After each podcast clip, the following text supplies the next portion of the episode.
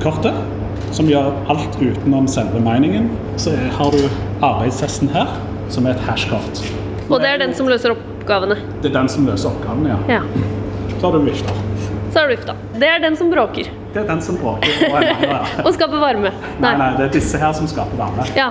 Og de eh, holder dem kalde, selvfølgelig. Ja. Velkommen til Voksenpoeng med meg, Nora Rydne, journalist i E24.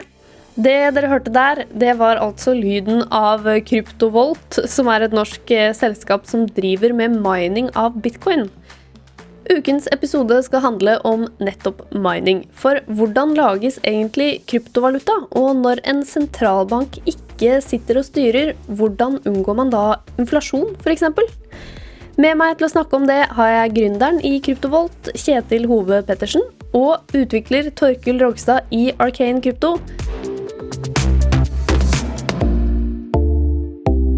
Nå lurer jeg på helt først her, Torkil. Hvem er det som bestemmer hvor mye det finnes av en kryptovaluta? Noe jeg synes er veldig interessant med akkurat dette her med spørsmålet om, om hvordan reguleres det, og det at okay, Hva er egentlig bitcoin? Altså, bitcoin er jo egentlig et, et nettverk av tusenvis av datamaskiner som, som, snakker sammen. Og så er alle enige om de samme spillereglene. Eh, blant de spillereglene så er jo da f.eks. Liksom, hvor mange bitcoin skal du funnet. Det ble da bestemt for, for nå, over ti år siden.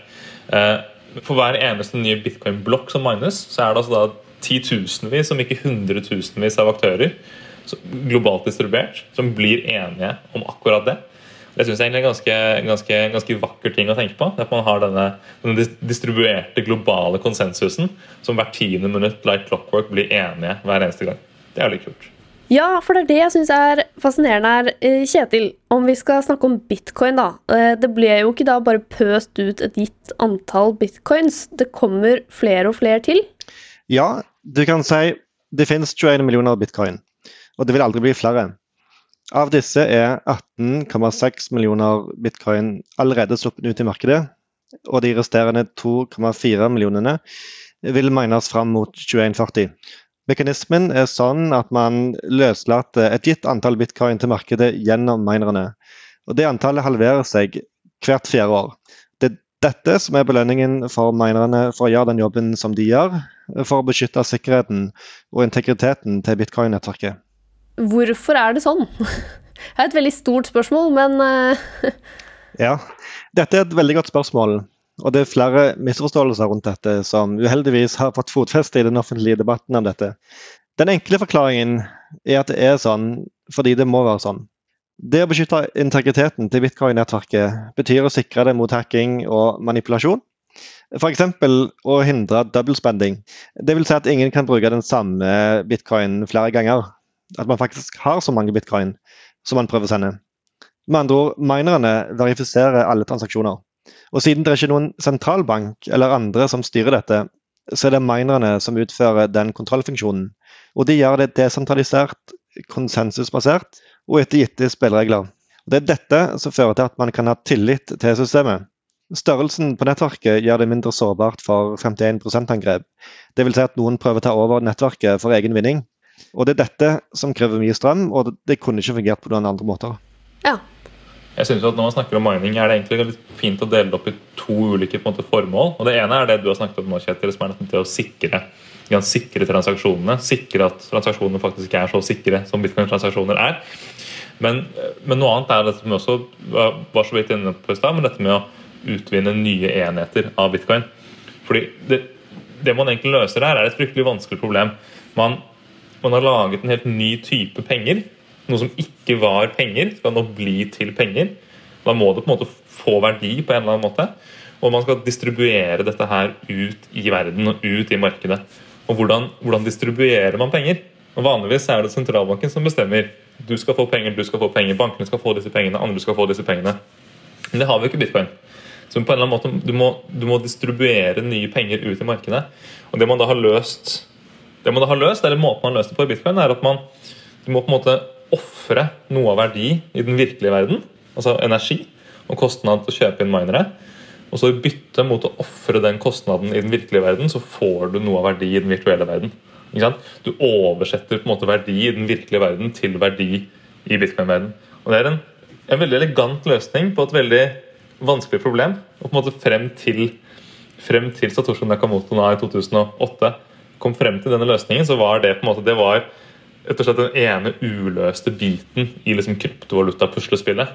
Eh, dette med å distribuere, distribuere helt nye penger til folk. Det er kanskje det som er den, den ene store liksom, eh, i hvert fall den største innovasjonen Satoshi kom med da, i 2008.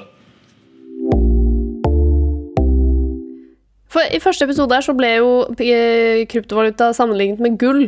Altså at det er eh, en verdi i seg selv litt uh, ikke helt sammenlignbart med liksom en, uh, en fysisk uh, hundrelapp, f.eks.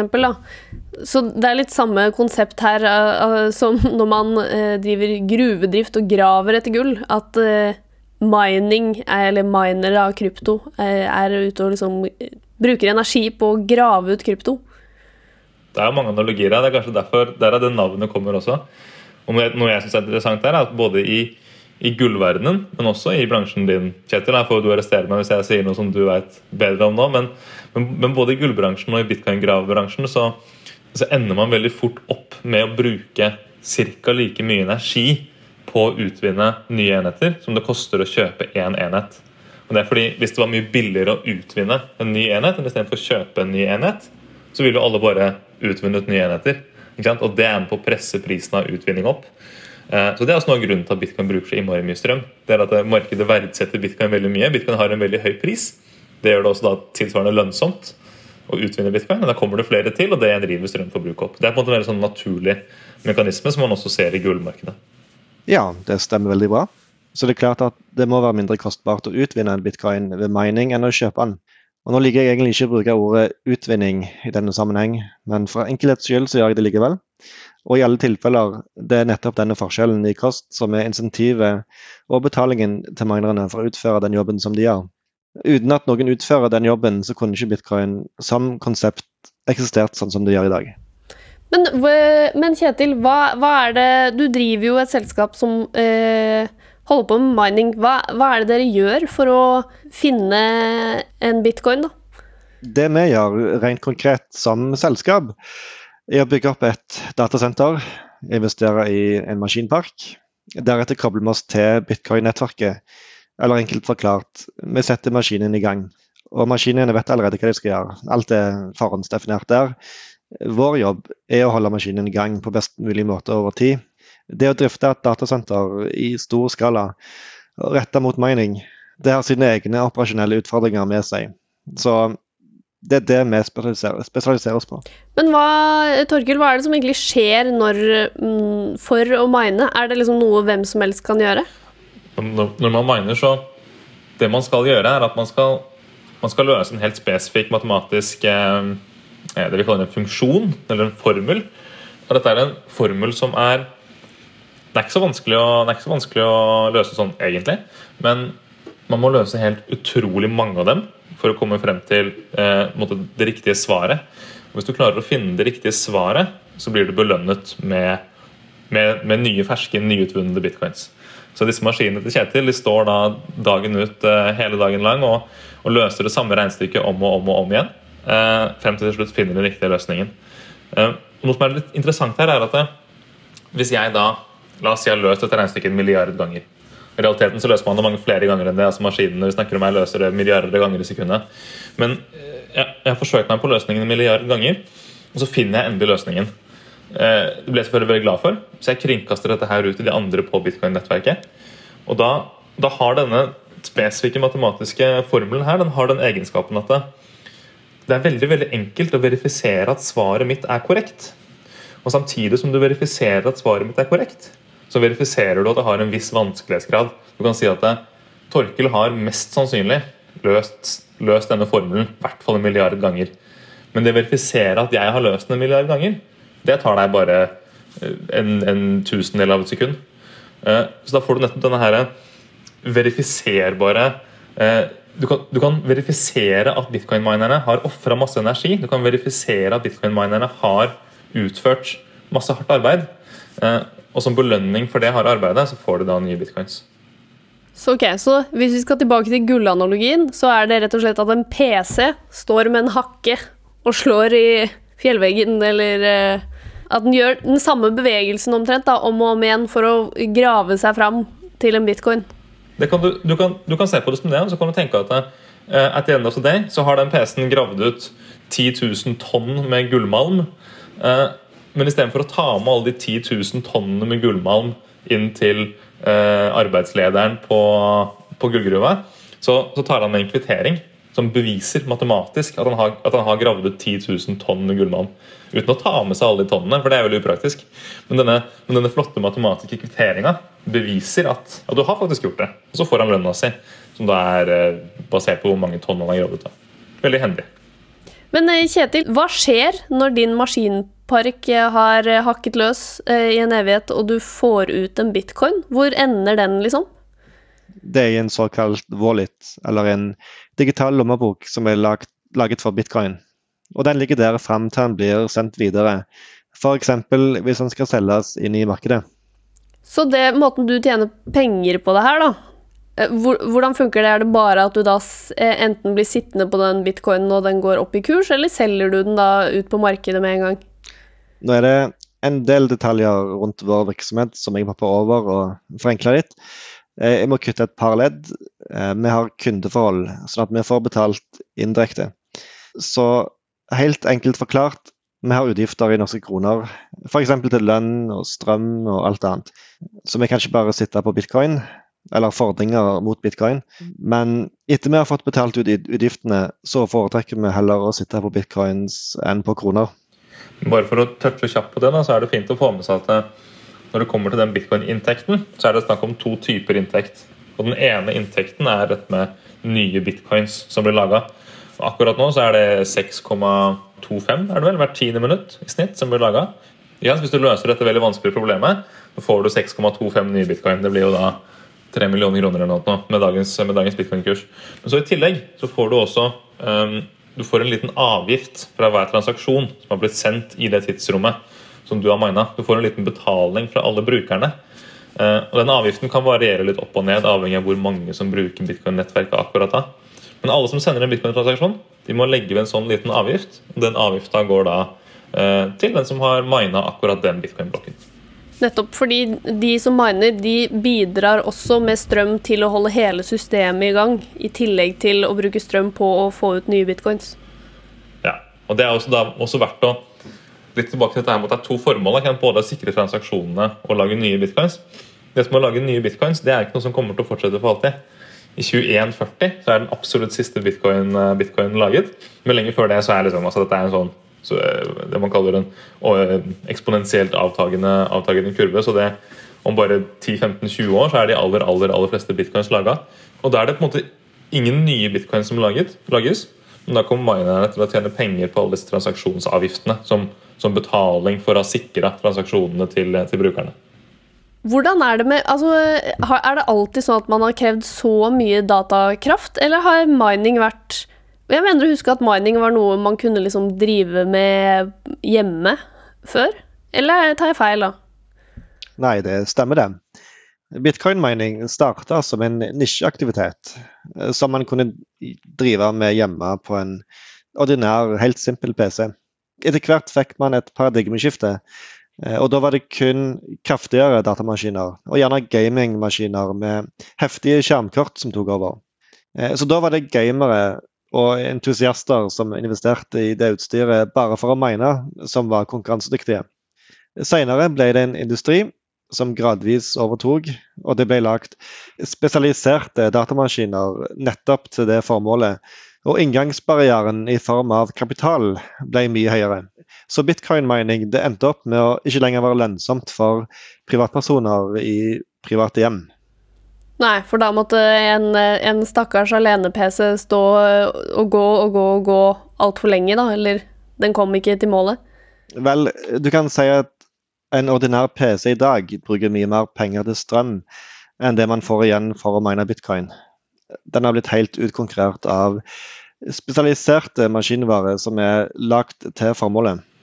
Også For å putte det litt i perspektiv da, altså, nå, vet ikke jeg akkurat hva slags maskiner dere har stående, Kjetil, men en, sånn veldig, en veldig mye brukt sånn bitcoin-miner er som heter Antminer S9. Det er på en måte blant de litt mer moderne bitcoin-minerne. den kan utføre dette regnestykket vi snakka om i stad. Den kan utføre den den kan utføre eh, det er 13,5 terra-hashes. Hvor mye er en terra? Det er jo da ja, Er det 1000 milliarder, må du tro? Så det vil si at den kan regne ut dette regnestykket 13,500 milliarder ganger hvert eneste sekund. Og så For et par år tilbake så sjekka jeg eh, hvor, hvor kjapt kan laptopen min regne dette samme regnestykket. Eh, og den klarte ca. en halv million i sekundet. Så det er klart at det, det å sitte og, det, sitte og, prøve å gjøre dette her på en helt vanlig laptop altså det, Du må gjerne prøve, men du kommer ikke til å komme noen vei. Du er liksom på en helt, helt annen planet i forhold til disse spesialiserte maskinene. Men, men hvorfor gikk det an før og ikke nå? For det at man har et gitt antall bitcoin som blir frigitt til markedet via minerne. Og det er helt uavhengig av den, to den totale maskinkraften som finnes i bitcoin-nettverket. Før det fantes spesialisert utstyr til bitcoin-mining, så måtte alle konkurrere av den samme kraka på like vilkår. Etter paradig paradigmeskiftet kom med spesialisert utstyr, så kan man ikke lenger konkurrere uten det utstyret. For de som har det, tar da en uforholdsmessig stor del av kaka, og det blir lite igjen til de som ikke har det. Så forskjellen var mellom før og etter den type utstyr ble tilgjengelig på markedet. Jeg tror også kanskje det er liksom fint å ha med seg i bakhuet her at man tenker tilbake på bitcoin for ti år siden. Altså da, nå har jeg ikke nøyaktig tall her, jeg har ingen, men du kunne sikkert telle, telle antall bitcoin-entusiaster på, på to-tre hender. Altså det var, det var, det var, det var folk på gutterommet som drev med det for moro skyld. Også bitcoin for en, for en la oss si en syv-seks år siden begynte du kanskje å få litt mer penger i det, men fremdeles en helt sånn amatørorientert greie. Eh, mens bitcoin i dag har du, har du enorme globale finansinstitusjoner, og du har, du har banker deg inni det, og forsikringsfond og eh, tradisjonelle aktører som har hatt en sånn profesjonalisering av hele bitcoin-bransjen. Ikke bare mining, ikke sant? men også av mining-bransjen. Som en sånn naturlig del av at bitcoin blir mer modent, og at bitcoin vokser seg større. Ja, Så det måtte rett og slett bli vanskeligere, fordi hvis ikke så hadde, hadde alle bitcoinsene vært funnet allerede, da? Nei, ikke helt. Fordi antall bitcoin som blir tildelt minerne per dag, den er gitt helt uavhengig av den totale mengden datakraft som blir tilført nettverket. I dag er det 900 bitcoin som blir delt ut til minerne per døgn. Og selv om datakraften multipliseres med 1000, så vil kaka i form av antall bitcoins være den samme. Ja, og da hvis Så det den, eh, måten den regulerer det på, er at vanskelighetsgraden går opp? Ja. At vanskelighetsgraden går opp, er bare en annen måte å si på at den samme kaka blir fordelt på flere. Så man får mindre igjen for samme arbeid som tidligere. Det, det, som, det som, skjer helt konkret, er at uh, hver andre uke, sånn cirka, give or take, så, så tar alle disse datamaskinene som er kobla på bitcoin-nettverket, tar og ser ok, hvor mange blokker sånne bitcoin-blokker ble det laga de siste, siste, to ukene. Og hvis det, hvis det blir laga flere altså det, det, man, det, man, på en måte ønsker seg, er én blokk i snitt hvert tiende minutt. Og Hvis det blir laga flere blokker enn det, så justerer man opp vanskelighetsgraden. Hvis det blir laga færre blokker av det, hvis færre miner, og det kan skje for hvis strømmen blir dyrere eller, eller, eller andre grunner hvis, hvis, det er færre blokker enn det man forventer, så gjør man, så man vanskelighetsgraden lettere. Så man har et sånt selvjusterende system som egentlig er ganske elegant, og som, og som tilpasser seg til enhver tid eh, det markedet, markedet rundt bitcoin. Jeg så litt på et sånt eh, kart om hvor det eh, utvinnes, eller hvor det mines mest bitcoin. Og da fikk jeg litt sånn overraskende resultater. eh, blant annet veldig big in eh, Georgia og um, i Kina, da. Så eh, det, hvorfor er liksom noen områder sånne bitcoin mining hotspots? Det har nok med tilgjengelighet til strøm å gjøre, og prisen på strøm. Nå tror jeg ikke Georgia er høyest på lista over mining hotspots, men Kina er det definitivt. Og Nord-Amerika har òg vokst veldig kraftig i den senere tid, og har nå en stor del av miningkapasiteten. Jeg tror en, en, annen ting, det er selvfølgelig Strøm er den desidert største faktoren her, men en annen faktor som er litt verdt å ha med seg, er Eh, altså, dette med politisk stabilitet. Fordi eh, det har blitt veldig mye bitcoin-mining i Nord-Amerika, Canada og USA de, de, de, siste par årene. Og Der er kanskje strømmen marginalt dyrere enn i Kina, men det du til gjengjeld får, er den politiske stabiliteten. Du, du slipper, å, slipper, å, bestikke noen for å, for å, trygge businessen din, og du vet også at vi kan holde på om et år. Det kommer ingen kommunistparti-pamp og stenger ned sjappa vår. Eh, og Det var jo noe av det Norge lenge hadde. Vi hadde politisk stabilitet rundt, eh, rundt bitcoin mining. Og Så kom det et veldig rart forslag fra regjeringa for, for en stund tilbake om å, om å begynne å særbehandle bitcoin. Fordi I Norge så gir man alle, alle, alle industrier som bruker mye kraft, de får litt billigere strøm enn det forbrukere betaler. Så kommer det et forslag om å særbehandle bitcoin og ikke gi bitcoin eh, samme strømkursen som alle andre industrier. Og da plutselig rokket man litt ved en av Norges store konkurransefortrinn, den politiske stabiliteten. Plutselig ble liksom betingelsene for å drive business i Norge radikalt endra over natta. Og så endte regjeringa opp med å trekke det forslaget til syvende og sist. Men da hadde du på en måte gjort mye av skaden allerede. da. For du hadde liksom rokka ved den politiske stabiliteten. Eh, så det var jo flere internasjonale aktører som hadde etablert seg i Norge, men som så senere trakk seg ut av Norge eh, med den uroen rundt den diskusjonen om elavgift. Ja, og Hvem er det som påvirkes av det? Altså, hva, hva, eh, Kjetil, du som driver innenfor denne industrien, hva er det sånne store dataparker tjener mest penger på? Er det folk som kjøper den kraften av deg til å mine, og så er det de som ender opp med bitcoinen? Eller er det deres egen mining? Akkurat det kan nok variere fra tilfelle til tilfelle. Eh, men i det tilfellet hvor det er vi som har investert i datasentrene og i maskinparken, og det er vi som betaler for eh, de operasjonelle kostnadene, så er det òg vi som sitter med mesteparten av gevinsten. Men det er sånn at jeg kan mine indirekte ved å uh, leie datakraft eller strøm, ja, strøm og datakraft av et sånt miningselskap? Ja, det kan du. Og det finnes finansielle instrumenter som man kan investere i for å gjøre nettopp det. Men det er ikke noe vi tilbyr, det er ikke noe vi driver med. Ja, så det er derfor den politiske stabiliteten har litt å si. Det er rett og slett for de som leier datakraft for å mine, hvor de velger å kjøpe den datakraften? Akkurat det betyr nok mye for insentivet til å investere i Norge. Ikke bare for mining, men for hele datasenternæringen i landet. For det rokker ved den politiske stabiliteten i Norge. Man må ha forutsigbarhet på rammevilkår for investeringen sin. Altså Hvis politikerne skal blande seg inn i hva som er samfunnsnyttig å drive med i et datasenter, og, og definere avgifter ut ifra det, i en sånn grad at det definerer bedriftens eksistensberettigelse, så går det utover hele datasenternæringen, og ikke bare mining. For det skaper en usikkerhet som man ikke kan leve med. Så Torgel, du ville tenkt liksom, hvis du skulle kjøpt miningkraft, da, så ville du tenkt å, jeg har hørt at det er litt uklart hva som skjer i Norge, da kjøper jeg heller i Georgia, som historisk sett har hatt veldig liberal kryptopolitikk. Og Der tror jeg kanskje akkurat i Georgia tror jeg kanskje at du risikerer å støte på litt korrupsjonsproblematikk. da. Den, eh, den går ja. på hvert fall Norge, så det er på en måte avveininger hele, hele veien her. Men Kina er fint. Autoritært. Det er orden. Tut og kjør.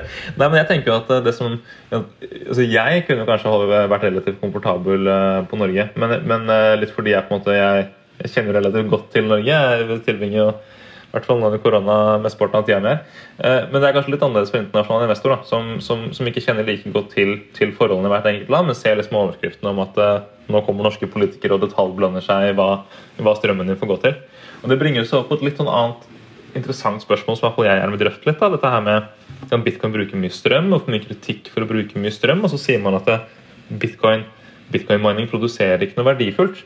Men da er man liksom hvordan definerer man verdi? da? Her kom politikerne så prøvde de å definere dette her er verdifull industri kontra dette her er ikke verdifull industri. Men Det er en fryktelig vanskelig øvelse å skulle sitte og si noe har verdi eller har ikke verdi. Jeg, jeg tenker at Den eneste ordentlige måten vi har å definere hva er verdi og hva har verdi, er jo er noen villig til å betale for det. Uh, og man ser jo det at Folk er villige til å betale uhorvelig mye for bitcoin-sikkerhet. Bitcoin-minere tjener altså for store utgifter også, men, men bitcoin-minere har enorm omsetning. Og Det er nettopp fordi markedet verdsetter, eh, verdsetter bitcoin, og verdsetter bitcoins sikkerhet, og verdsetter den, eh, det de får ut av bitcoin. Så ja, nettopp den der politiske å komme her og detaljstyre, det, det, har jeg utrolig liten tro på. Det som også Kjetil var inne på, noe som potensielt kan være skadelig for andre bransjer enn bitcoin også. Hvis man først begynner å stille spørsmålstegn ved, ved, ved det, det, frie markedet i Norge. Men Torgild, du var jo litt inne på dette eh, med energiforbruk. Og så har du jo Det er jo gjerne et argument som brukes mot krypto, at det er lite klimavennlig. Er det en trussel for liksom mining-industrien og for kryptovaluta generelt? Jeg, jeg, så jeg tror egentlig ikke det. Jeg, jeg er egentlig lyst til å snu på det og si at eh, jeg tror eh, bitcoin-mining faktisk kan ha en, en hel rekke positive eh, effekter og ringvirkninger på klimaet. Og Jeg er ikke den eneste som snakker om dette. her. Hvis man, hvis man leste det nyeste aksjonærbrevet fra, fra Kjell Inge Røkke Han lanserte jo nylig en sånn bitcoin-mining-satsing. Han snakka om det her noe jeg synes er utrolig spennende. Han snakka om bitcoin som et batteri, et virtuelt batteri. For du har i dag en masse, en masse grønn kraft som, som, ikke er lønnsomt å bygge ut. Fordi, fordi, med grønn kraft så har du problemet med at du har ikke jevn produksjon. Du har ikke jevn produksjon av energi. Vinden blåser iblant, sola står på iblant, bølgene slår iblant, om ikke hele tida. Eh, men det vi potensielt kan se for oss, er at bitcoin, bitcoin kan suge til seg sånne energikilder som ikke alltid ellers er omsettelige i markedet. Så la oss si med vindkraft. da. Du kan ha en overproduksjon av vindkraft, sånn at eh, strømnettet for vanlige forbrukere har en, har en jevn leveranse av strøm. Og så kan overskuddsstrømmen brukes til å mine bitcoin med grønn, ren strøm. Og Sluttresultatet da er at eh, du får bygget ut langt mer eh, eh, eh vindkraft, som sørger for at eh, det ordinære strømnettet får en stabil og trygg eh, leveranse av grønn energi. Og du får også monetisert, monetisert strømmen din i de perioder av overproduksjon. Og det, og, det, og det, har historisk vært en del av utfordringene vi har rundt grønn energi. At grønn energi er ikke like forutsigbart som det å brenne olje og gass. For Du kan brenne olje og gass helt jevnt hele tiden, men det kan du ikke bestemme med, med fornybare kilder. Så jeg, Det er godt mulig at dette her ble litt litt mye på en gang og litt vanskelig å forstå seg på. Men jeg tror i hvert fall at bitcoin-mining eh, kan være en netto positiv eh, eh innvirkning på, eh, på klimaspørsmålet. Men er det noe vilje i eh, mining- og kryptoindustrien til å bare bruke grønn energi, da? Altså, jeg vil jo tro at det ikke er så mye av det i utvinningsgiganten Kina. Det er faktisk gøy at du sier, for det det er faktisk eh, fryktelig mye eh, grønn energi i Kina. Særlig de områdene hvor det mines mye bitcoin. Eh, de områdene det mines aller mest bitcoin i, det er, det er Sichuan-provinsen i Kina. Der er det faktisk en enorm overproduksjon av hydrokraft. De slipper ut masse vann fra demningene bare rett ut, for det finnes ikke noe marked til å kjøpe den krafta. Eh, så når man ser på energimiksen til bitcoin, så ser man at det i veldig stor grad er fornybare kilder. og det er altså fordi fornybar energi som regel er veldig mye billigere enn fossil energi. Jeg tror ikke det gir så mye mening å snakke om hvilken energi kryptominere vil bruke. Jeg tror kryptominere er relativt rasjonelt orientert. Jeg tror de bruker den billigste strømmen. Og Da er vi, da er vi såpass heldige da, at globalt sett så er det fornybar energi som er den desidert billigste strømkilden. Kjetil, hva tenker du? Tror du eh, Norge kan få liksom en industrifordel? Altså at det kommer til å skje noe lignende som er i ferd med å skje i veldig store deler av næringslivet og finansbransjen, og at eh, investorer krever grønn profil for at de skal gå inn med penger? Det kan veldig godt hende. Eh, det er faktisk sannsynlig. Og det vil være veldig positivt for eh, Norge og, og for oss. Ja, for er det bare grønn eh, energi vi bruker på mining? I Norge har man nesten utelukkende grønn energiproduksjon. Bitte litt fossilt på plattformene. Men ellers er det jeg tror 95% hydroenergi. Resten er vindmøller. Hva tror dere om fremtiden til eh, mininga? Er det, er det en døgnflue, eller er det kommet for å bli? Det er litt som å spørre om bitcoin har kommet for å bli. For uten mining har man heller ingen bitcoin. Og jeg tror selvfølgelig det har kommet for å bli. Det har blitt en 1000 milliarder dollar asset class den har blitt omfavna av store industrigiganter som Aker her hjemme, av Tesla i USA, og for ikke å snakke om alle de store finansielle institusjonene som har kasta seg på. Til og med pensjonsfond. Jeg tror ikke at det vil forsvinne. Det har blitt for stort til det. Jeg tror vi kommer til å fortsette å ha mye bitcoin-mining i Norge, og sikkert enda mer i fremtiden. Og så kommer vi til å ha enda flere firmaer utover Aker som begynner å ta i bruk bitcoin. Og så kommer det sikkert til å provosere enda flere mennesker.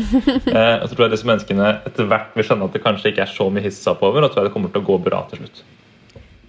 Nå har jo vi brukt bitcoin som eksempel her, men bare for å få det med for ordens skyld, er det sånn at det systemet bitcoin som er størst, opererer på, er det likt for alle kryptovalutaer? Man kan tenke på det sånn at det er ganske, det er ganske stor variasjon i et lille landskap av, av virtuelle penger. Eh, det, finnes noen sånne varianter av bitcoin, f.eks. BSV eller Bcash, som bruker akkurat de samme maskinene som man bruker til å utvinne bitcoin. Man har i prinsippet kunne også utvunnet på Kryptovolt eh, sin anlegg. Eh, en, en del valutaer, sånn som Ethereum og en del i det landskapet der, bruker man med en skjermkort til å, til å grave ut. Og så har du andre valutaer igjen som, som har sine egne spesialiserte maskiner. Så det På samme måte som bitcoin har egne bitcoin-spesialiserte maskiner, så har f.eks. Eh, Litecoin egne Litecoin-spesialiserte maskiner. Men dette varierer veldig fra valuta til valuta. Eh, og det er, måte, det er på en måte vanskelig å si noe kategorisk som dekker, som dekker alle. Ok, så For å oppsummere her hva mining kort er. Altså Poenget med mining er egentlig to ting. Eh, For det første å få ut nye bitcoins på markedet. Som eh, Ja, vi har jo brukt bitcoin som eksempel her. Det er det største. Og så er det å sikre systemet og liksom transaksjonene av bitcoin, som også krever en del kraft for å sikre at eh, overføringer er sikre, og at de stemmer. Alle bitcoins kommer til å være funnet om riktignok en veldig god stund, men det er en satt antall bitcoins som skal funnes på markedet. Så da vil disse datasentrene som tidligere har minet, tjene pengene på å holde oppe og sikre dette systemet for betaling, da, som de også tjener litt penger på nå. Mining eh, skjer ved at en datamaskin løser matteoppgaver, rett og slett, mange, mange, mange ganger, eh, til den blir belønnet eh, for arbeidet. Og den eh, betaler på en måte i strøm for å få ut en verdi, som da er bitcoin. Det er satt hvor mye som skal utvinnes til enhver tid, og vanskelighetsgraden den eh, justeres etter det, sånn at det til enhver tid skal komme så mye bitcoin ut på markedet sånn som det er bestemt at det skal. da. Nå som mining har blitt en industri, så har også vanskelighetsgraden gått opp, så nå kan man ikke mine på en vanlig PC lenger, som var mulig for en stund siden. Men noen selskaper tjener penger på å leie ut datakraft til andre som har lyst til å mine, så det går fortsatt an. Tusen takk for at dere kom og eh, var med i dag. Kjetil Hove Pettersen i Kryptovolt og Torkil Rogstad i Arcane Krypto.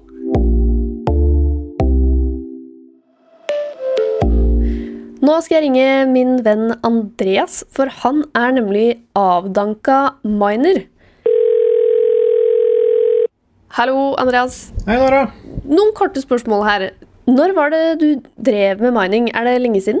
Det er uh, ganske mange år siden, men uh, jeg minet litt på hjemme-PC-en noen måneder tilbake, når uh, bitcoin og de andre kryptovalutaene steg i verdi.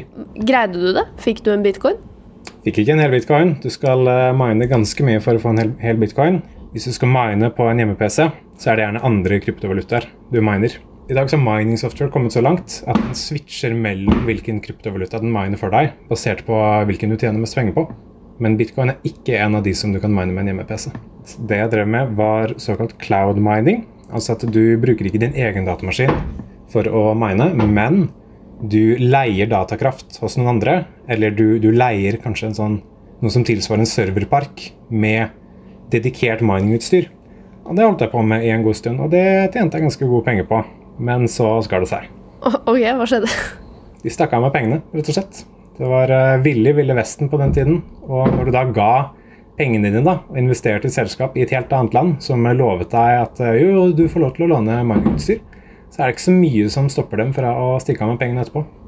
Jeg så litt på muligheten til å kunne kjøpe miningutstyr, eh, dedikerte miningutstyr for å ha hjemme, men det viste seg at det våpenkappløpet gikk så fort at de, de var bare konkurransedyktige innen måneder, de, de maskinene du kjøpte, før de ble utkonkurrert. Ok, men du, du rakk ikke å kjøpe det?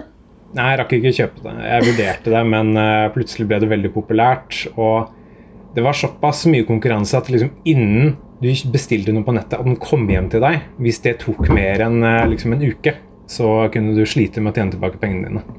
Men var liksom tanken at du skulle bli rik på mining, eller ville du bare drive med det fordi det var lol, liksom? Ja, Det var et sånn sideprosjekt. Jeg var hovedsakelig interessert i kryptovaluta, spesielt bitcoin og blokkjedeteknologi. Og så var mining noe jeg drev med litt på siden. Tenkte liksom, ok, Du kan passivt generere litt penger på siden. Det, er- det er stilig. Du kan også, og Samtidig så hjelper du til med å gjøre nettverket tryggere. Så det var en litt eh, ideologisk, eh, teknisk side med det også. Så det var ikke bare fast cash? Ikke bare fast cash, nei. Ja, men eh, Takk for mining-infoen, Andreas. Bare hyggelig.